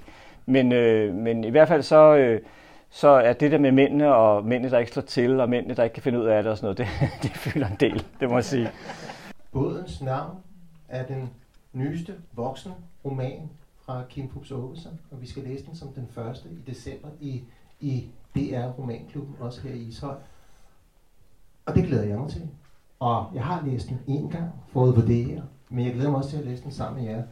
Det er en skide god bog, og den, den, den har jo nogle af de her problematikker, vi har været lidt inde på nu. Um, vi har også det her middelaldrende par, som jeg tror bor på sydkysten i hvert fald, fordi vi har da i hvert fald en, en, en scene i starten af, af bogen, hvor manden Mugge overtaler konen Susse til at købe en båd, og båden den hedder Grace.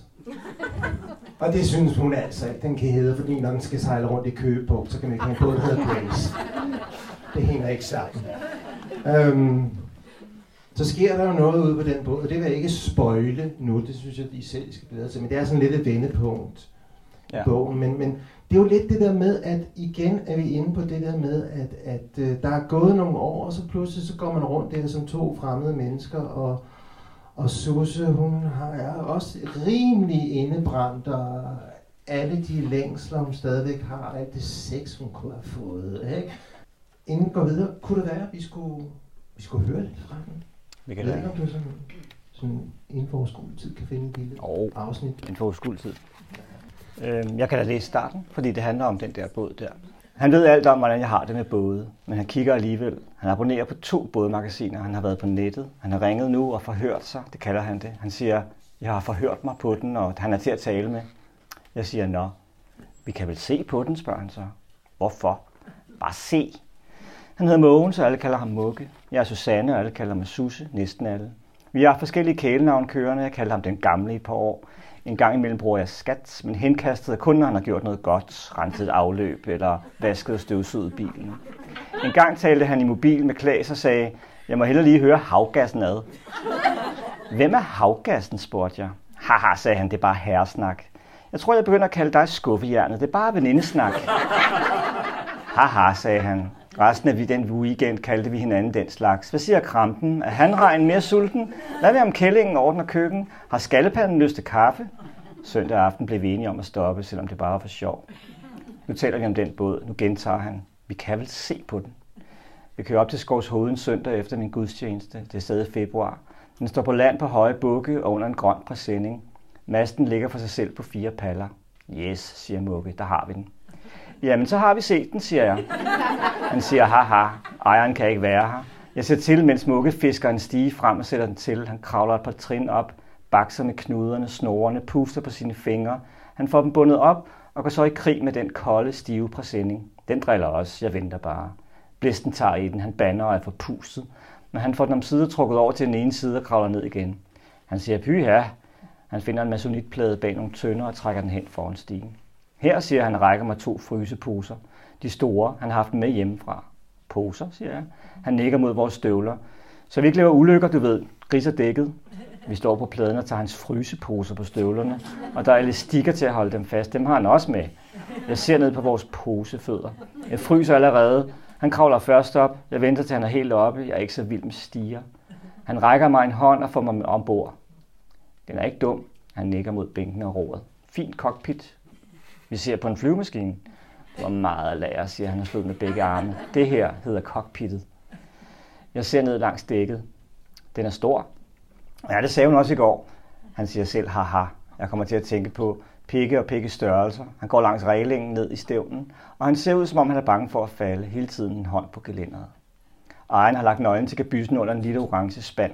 Mukke låser op og skyder lugen til side, så vi kan træde ned uden at slå hovedet. Ja, ja, ja, siger han med det samme. Jeg følger efter ham ned i mørket. Vi sætter os på hver sin side af et bord, der kan hæves og sænkes. Det gør han. Hæver det, sænker det. Der lugter af vinter af benzin og kælder. Mugge siger, at hønderne er hjemme i ejerens kælder. Har indlukket, siger jeg, jeg kan se min ånde, og har lugter. Der er ståhøjde. Jeg svarer ikke. Han rejser sig og taler om gasblusene skabende, de er mahoni, og jeg prøver at se mig selv koge vand på de blus, prøver at holde balancen, mens alting gynger, koge æg, stege noget, der oser, bacon og benzin og kælder. Han siger, hønderne er mørkeblå, stilige. Okay. Han sejlede meget som dreng som helt ung, før min tid. De seneste par år har han læst, hvad der er at læse om jordomsejling og eventyr til søs, bøger med modne, solbrændte mænd og fjerne horisonter. Nu er han begyndt at se frem mod pensionen. Vi nærmer os næste fase, sagde han en dag i bilen. Næste fase? Jeg er to år fra pensionsalderen. To år. Jeg havde ikke lyst til at svare, ikke lyst til at tænke på hans pensionsalder. Nusseri i haven, fjernsyn om eftermiddagen, hvid kagekasse for bageren, alt det der. Du har ikke en evighed foran dig, Susse.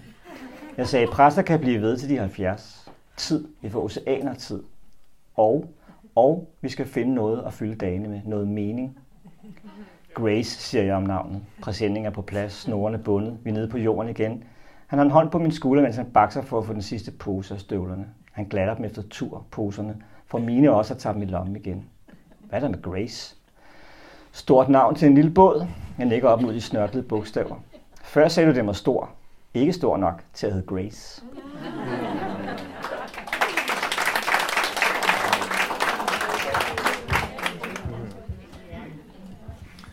Tak for det, og der er meget mere, hvor det kom fra. Men jeg synes, øh, allerede her får vi jo sådan øh, lidt en karakteristik af, af Mugg og Susse, og ikke mindst Susse, hvordan hun er sådan lidt indebrændt og, og, og sarkastisk. Og som romanen skrider frem, så, så, så virker hun jo også meget desillusioneret på mig. Og hun virker som en, som har enormt svært ved at, at tage fat i egen barm og måske se lidt indad af sådan krystallisere og meget skyld og skam udad til. Mm.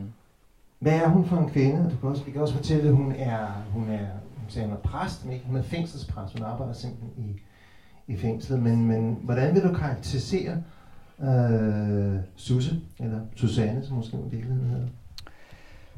Øhm, jamen det er noget af det der, altså øh, at bitterheden eller skuffelsen over, øh, at, at det her, at var det det? Altså og, og et, et, en datter, man ikke ser rigtig særligt tit, og som har sit eget liv kørende, og, og, og faktisk blev den til på, altså på, det startede ind med et, et, et projekt, som kuldsejlede. Øh, jeg havde nemlig lavet en, øh, jeg havde lavet en tv-serie på DR, og kunne godt lide det, fordi at øh, volumen er anden i spillefilmen, og forfatteren bestemmer. Det er jo en tv-serie af Adam Prise, af Maja Ildsø. Det er jo ikke, det er jo ikke instruktøren er mere sådan hired hands, der kommer ind og, og laver et par episoder, men det er forfatteren, der bestemmer. Så jeg var sådan tænkt, det vil jeg gerne igen. Så, jeg havde, og så havde jeg fået en idé, og jeg lavede en serie om fængselsbetjente, fordi at de, altså de går så på arbejde hver dag i, altså, og møder en massiv mur af, mur af fjendtlighed. Altså, og fjendtlighed fra folk, som, hvor vold er tit en mulighed i hvert fald. Øh, og, og for mig er de altså bare det sejeste, altså, og, og jeg tænkte, det var et godt oplæg til en tv-serie. Og, øh, og det passede med, at, at øh, Vridsløse var ved at blive tømt, fordi at, øh, at øh, de, der er kommet nyt fængsel ned på London Falster, hvor de alle sammen skal ned. Så, øh, så der var et tomt fængsel lige om lidt, kunne jeg se. Og øh, jeg tænkte bare, at det her, det er walk in the park. Så jeg havde oplæg og synops, og de her fængselsbetjente, jeg var på research i Vridsløse, og, og øh, øh, det havde næsten sådan, jeg behøver ikke at, at, at, jeg var begyndt at fortælle, at det er det næste, jeg skal lave. Og så sagde det, ja, det er meget mørkt. Det er nok for mørkt til os. Så det, der stod der med alle mine fængselsbetjente, bare sådan, nå okay. Øhm, men så havde, jeg så, så, så havde jeg været sammen med en fængselspræst også, ude, ude på Vestre. Og øh, det, det er et ret, altså det, fængselspræster har den flittigste menighed, altså man kan ønske sig som præst. Og det er flere grunde til. Det, det, det handler om, at, at alle, der er indsatte, har jo noget på samvittigheden, ellers ville de ikke være der. Det er ligesom sådan konceptet, at øh, de har gjort noget forkert. Øh, og det der med at blive hævet af sit miljø, og, øh, og få tid, altså få tid alene øh, øh, og, og orden i hverdagen, øh, der, der, det er altså mange, der gror en samvittighed. Og så er fængselspræsten uden for nummer. Altså øh, fængselspræster har tavshedspligt. Øh, med mindre at man fortæller, at man har tænkt sig at begå ny kriminalitet, så må de gerne sladre. Men ellers så er de, øh, hænger de ikke sammen med betjentene. Så modviljen gælder ikke fængselspræsterne. Så de har altså øh, kø på samtaler altså, øh, øh, fra de indsatte. Og, og der, så tænker jeg, da jeg ligesom så i øjnene, at, at øh, mit, mit, mit tv-serie ikke blev, at øh, en fængselspræst, som selv havde noget på, fik noget på samvittigheden, var et godt sted at, øh, at, at, at, at, at skrive. Fordi, jeg kan ikke huske, jeg tror det faktisk, det er Carsten Jensen, der har sagt, at, at de så andre påfører os. Det bliver et arm, kommer sig, men det man selv gør, det er, hvor man selv påfører andre noget smerte, at det er faktisk det, der er det sværeste. Og det tror jeg er rigtigt. Altså jeg tror, det er rigtigt, at, at det er faktisk det sværeste at tilgive sig selv. Og, og hun har får, får noget at tilgive, må man sige. At, og det synes jeg var et, et, øh, et spændende sted at være. Og jeg har jeg er, ikke, jeg er faktisk ikke religiøs, men jeg har meget, meget tit haft glæde af det bibelske og, og det religiøse. Altså samtalen i det kan jeg godt lide. Og øh, øh, også noget af det, som, som kirken har, det der sprog, som jo er meget højstemt og meget patetisk, men det er jo også fantastisk. Altså salmerne, det, der, det er noget af det, der er så godt skrevet, synes jeg. Øh, altså, og, og især når det der sprog møder bundesproget, vi bruger til dagligt. Altså det synes jeg er, det er ret fantastisk. Altså. Og, og, så, så der var flere grunde til, at det blev en fængselsbræt. Og jeg ved ikke, hvorfor det blev en kvinde. For det behøvede det jo egentlig ikke at være. Jeg har, men jeg har forholdsvis tit øh, skrevet ud fra kvindelige fortællere, eller fra, og jeg har også i, altså i film, der skændes vi jo om øh, kønsproblemer. Øh, dels at der er for få øh, kvindelige instruktører, for få kvindelige manuskriptforfattere, men også for få kvinderoller. Og jeg, jeg, da den startede, så kiggede jeg hjem og kiggede ned igennem. Kvinde, kvinde. Jeg var faktisk, øh, det var 50-50. Øh, jeg havde skrevet kvinder, øh, store hovedroller også til kvinder. Øh, og jeg tror, det handler om, at der er et, der er et mystisk rum for mig, i, når jeg skriver. Altså, som jeg godt er digte i. Hvor jeg ikke føler sådan, nogle gange, når man skriver mænd, så ved man sådan, nej, det, der er been there, done that. Eller sådan. Der er nogle gange med kvinder, der, der er et, et gådefuldt rum, jeg godt kan lide at skrive i. Så det blev en kvindelig fængselspræst, og øh, nu har jeg glemt, hvad spørgsmålet var, men, men det var bare for at sige, den, den måde kom det, kom det, jo. Og så tænkte jeg en anden ting, og, og det var det der med, at vi er jo et af de mest tilregnelige samfund i verden. Altså, hvor vores tillid til hinanden er tårnhøj. Vi er, vi er nummer et eller to på tillid altså, i verden. Man har gjort et forsøg, hvor man smed øh, tegnebøger på gaden, for at se, hvor bliver de afleveret henne. Øh, I hvert fald nogle lande afleverer, går til politiet. Det gør vi. I Uganda, not so much. Fordi man ved, at de tager den bare i inderlommen selv. Men vi regner med, at politibetjentene siger, at vi skal sørge for at finde ejeren til den her. Altså, det vil vi, det vil vi forestille os. Altså, og vi er enormt terrænlige. Vi, vi gør, hvad man, altså, vi, hvad man forventer af os langt, langt hen ad vejen. Men vi kender også alle sammen de der øjeblikke, hvor proppen ryger af. Altså, hvor vi bliver uterrenlige i et kort øjeblik. Eller, eller et, hvis det, altså, det kan være en brand, det kan være jalousi, eller raseri, eller øh, øh, øh, seksuel opstemthed. Eller, der er mange tidspunkter, hvor, hvor vores fornuft lige tager en pause, og så gør vi et eller andet. Og her var, var øh, det, der sker her, øh, er et øjebliks faktisk frihedsfølelse. Altså en følelse af, at verden åbner sig igen, og bliver fantastisk og, og vild, og mulighederne er uendelige igen. Eller sådan. Det er sådan et øjeblik, altså i sådan set et meget positivt øjeblik, hvor hun gør noget forkert. Øh, Øh, og, det, og det synes jeg var spændende at arbejde med det der. Så er man, lander man igen, og fornuften er tilbage. Og, og tit kan vi jo sige, ej undskyld, jeg var, det var fordi jeg var fuld, og det var en julefrokost, og det var, det var helt, og sådan er jeg slet ikke.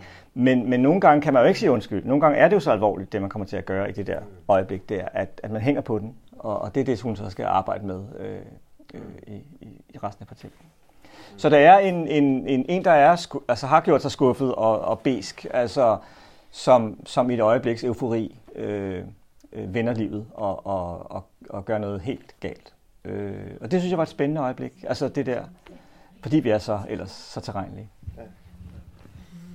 Jeg tænker nu, også for at gribe fat lidt af det, jeg spurgte om tidligere, det, det er jo der, det der skisme står netop det her med, at vi har en, en, en tilværelse, som er til, så på mange måder så tilregnelig med tillid, og så ægteskab, og så arbejde, og så hviler, bum, bum, bum. Og så laver, har folk bare nogle af de her frihedsfølelse. De har de her længsler. Vi vil gerne ligesom transformere os og blive til nogle andre, være noget andet. Det er derfor folk går rundt, tror jeg også, og knaller ved siden af at gøre nogle ting, som de ikke burde gøre. Men det har jo så også bare nogle konsekvenser, den mm, her mm. frihedstrang og de her øh, længsler på godt og ondt. Det synes jeg, du beskriver skide godt. Jeg synes også, du beskriver det der med at være nu har jeg ikke selv prøvet at være inde i, i, i hovedet på hverken kvinde eller John Malkovich, men sådan, jeg ved også, Marianne har læst bogen, jeg synes, det er meget troværdigt og realistisk, at, at, at det du beskriver, at være en mm. mand, men at du er inde i en, en kvindes hoved, og det synes jeg skulle er rimelig øh, sejt gået. Og noget af det, jeg tænker på, er jo også, at, at øh, Susse der, og det synes jeg er ret sjovt, hun, hun har også nogle, undervejs, så har hun også nogle, øh, nogle øh, små dialoger med Gud, så snakker hun med Gud, og, og Gud er sgu rimelig cool i den der bog. Der, der øhm, og du har også været lidt inde på det allerede. Både det, den her bog, der, det religiøse, men også de seneste børne ja, billedbøger, ja. du har lavet med, med, med Jesu lignelse der. Ikke? Og så kommer det de der tunge spørgsmål. Har religionen i kraft af din alder fået en større betydning? Øh, jeg, jeg har faktisk lige holdt et foredrag i, i skole, kirkernes skoletjeneste om det her, fordi at det er altså absurd så mange altså gange, jeg har trukket på det der stof. Øh, og senest har jeg skrevet tre lignelser om, men det var så på opfordring fra Bibelselskabet, som er et meget friskere firma, end man skulle tro. Altså, der er ikke nogen, der er højt til loftet. Det er rigtig, det er rigtig sjovt. Men, øh, men, men, nej, jeg vil, men jeg vil sige, altså selvom jeg ikke selv har en religiøs over, så har jeg altid godt kunne lide de samtaler omkring det, og jeg forstår enormt meget, og jeg kan også godt blive misundelig på folk, der tror, fordi at, at, at tro er jo både, øh, altså må være rart, eller sådan tænker jeg. Altså der, der er jo så meget, man kan være i tvivl om, og så meget, som virker ånds, meningsløst, eller hvor man hele tiden skal finde en mening selv. Der er der nogen, der har fundet en mening, og man har jo også trosfælder, når man tror. Altså man er sammen med nogen på en måde, som jeg synes, det, det kan jeg godt blive misundelig på. Øh, og, jeg, og jeg forstår alt omkring tro, sådan set. Jeg har den bare ikke selv. Også i mange børnebøger, og der var nu, når man har lavet nogle bøger, så kommer der jo altid nogle seminarelever og har lavet en, en opgave af ens forfatterskab. Og nogle gange får man den tilsendt, og man tænker, har jeg lyst til at læse i den? Ah, jeg skal lige kigge. Og noget af det, som de skriver tit, er, at øh, der er en hverdag af en eller anden art, og så kommer, sker der et eller andet. Altså, i, i, jeg har skrevet en bog, der hedder Det Satans Ukrudt, hvor øh, Gud, han, øh, han vil ikke mere. Så han har købt en villa i Ballerup og flytter ind øh, ved siden af en dreng, hvis mor altså er sovramt. Øh, og Gud, er, han ligner sådan, øh, det var Kato, der har tegnet ham, han ligner sådan en Elvis. Øh, og han, øh, han blev, de blev venner med drengen der, og han laver et par planter, nye planter, som det kan han jo. Og, og nogle dyr, som falder lidt uheldigt ud, men, men øh, han laver også et menneske til sidst, altså for at vise, at det, han kan, jeg har det stadigvæk. Og øh, øh, ender med, at, at Gud får nok og tager tilbage, og den mand bliver måske mor, ham, der skal rejse moren igen øh, i forhold til et nyt forhold, et nyt kærlighedsforhold. Øh, Øhm, men men øh, men altså på den måde, og, men, men der skrev de, at det er tit sådan, at jeg agerer, altså i mine børnebøger, hverdag, og så sker der et eller andet. Det var en intervention af en eller anden art. Og, og det, Bibelen er jo bygget op på samme måde. Altså især det gamle testamente. Øh, der er nogen, der går ud at fiske, ej også det nye. Nogle går ud at fiske. Åh, oh, det bliver værre stormvejr. Nogen kommer gående på vandet og lægger stormen ned. Altså det er jo, okay, um, anerkendt tricks. Øh, og, og, øh, øh, og på, så på den måde var det sådan oplagt, at, at, øh, at hun har samtale med Gud, og at de har kendt hinanden så længe, så de øh, er et ældre ægtepar. Altså de driller hinanden, og de er ironiske, og, og Gud pirker til hende, når hun, når hun gerne vil være fri. Og, altså der er sådan noget i, i forholdet, som jeg tænker, men, øh, har man talt med Gud længe, så er det vel sådan, ikke længere så andægtigt, som, som, øh, som øh, når man starter. Så, så det, var, det var tanken, og øh, øh, øh, det, var, det var en sjov karakter at have med, synes jeg. Det er ligesom, nu gik jeg hele vejen, og så, øh, så øh, er han, er han en af rollerne i bogen. Yes, er der andre spørgsmål her på falderæbet? Jeg tænker bare sådan, nu vi snakker lidt om Vestegnen, Ja. ikke? Og, og nu er det sådan inde på det grå, øh, dysfunktionelle, det er sådan et eller andet. Men hvis du skulle sige noget om det, som, som Vestegnen har givet dig af Ja, styrker, ja. øh, hvad vil du så nævne? Ja. Øh, så, så vil jeg nævne det der, at vi var, øh, altså, men det var også tiden selvfølgelig, men vi var, vi var så uovervåget. Altså det var fantastisk, når man, når man lukkede døren, så var man væk. Og vi havde jo et kæmpe liv kørende, altså med Vestskoven og altså det, de der byggepladser lukket, men nede i Vestskoven, altså, og, og der kan jeg godt nogle gange, jeg hørte en, en, et barn, der fik skæld ud over den, han- den havde slukket sin mobil. Bare sådan, okay, det er vel en menneskeret, skulle man tro. Altså, hvor, hvor vi havde et, et, et, et ret utroligt liv alene. Øhm, og, og det der med, at de kunne ikke få fat på os, når vi var gået. Øh, mine forældre var virkelig trætte af, at jeg kom for sent hjem. Så jeg sagde, prøv at høre, fra nu af, kommer du et kvarter for sent, så kommer du et kvarter tidligere ind øh, i morgen. Så tænkte jeg, okay, så tænkte jeg, okay, det var fair, fair nok. Og så gjorde jeg det, at jeg kom enormt meget for sent, og så sagde jeg, jeg går ikke ud i morgen. Og så, så droppede de den igen. Den, havde, den levede ikke så længe. Men det vil sige, altså det der med at være så mange børn, som vi var, og det, det var virkelig mange, vi var virkelig mange, øh, og, og øh, øh, at vi havde hinanden og, og, et, og et hemmeligt børneliv, det synes jeg var... Øh, og så, jo, så vil jeg også sige, altså vi havde jo ikke det der, jeg kan bare se nu, nu diskuterer vi i min datters skole, iPad, hvornår skal de have dem, og hvor meget skal de have dem, og hvor meget må de spille og sådan noget. Og, og der er jo et eller andet med det der, jeg keder mig, jeg tager, altså det der, som er sådan enormt nemt. Vi, vi var altså nødt til at finde på noget, og det, det betød, at, øh, at øh, jeg, jeg kunne ikke banke de andre og sådan noget, men jeg var god til at finde på, så jeg fik status i kraft af, at jeg kunne finde på nogle lege, som vi kunne lege og sådan noget. Så vi fandt på alle mulige verdener, og nogle gange kedede vi os også bare, det, vi kunne ikke finde på noget.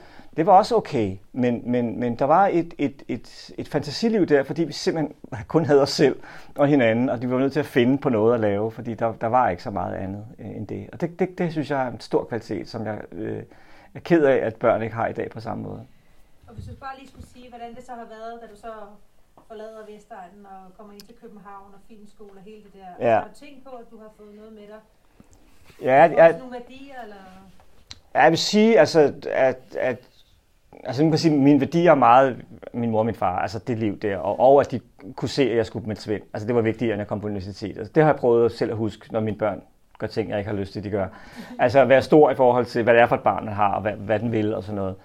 Øhm, øh, og, øh, øh men jeg så vil jeg sige, altså, der, man opdager jo også mange af de ting, som der var, man synes ikke var så sjovt i Barcelona, det er, er der også de andre steder. Det er jo ikke sådan, fordi det er sådan en fest på Østerbro eller sådan noget. Det var sådan, ja, det er bare så kedeligt på en anden måde. Eller, der er ikke sådan, altså, så det er jo også sådan, men jeg kan mærke, at, at, at, at jeg, jeg, jeg føler selv, at jeg fortæller med en autoritet, når jeg, når jeg går tilbage til Villavejen. Altså, det er også derfor, jeg har gået tilbage til den så mange gange. Og jeg føler ligesom, det er det, det her frem i verden går, og det er det, jeg kender.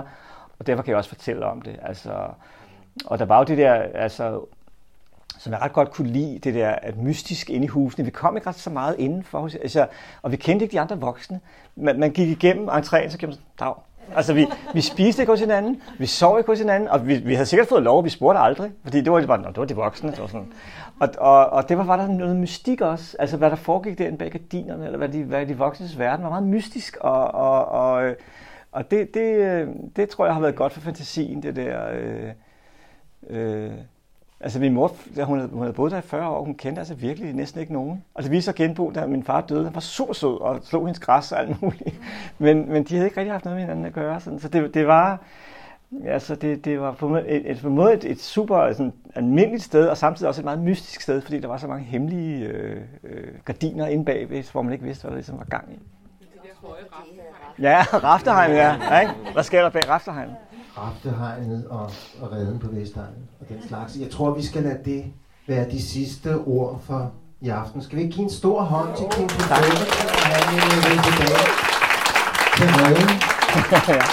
Hvor en stor kunne snakke meget mere, men, men læs bådens navn her, nogle af Kim Pudovens andre bøger. Det er skide godt. Og så er der jo faktisk ikke blot et, men to arrangementer i næste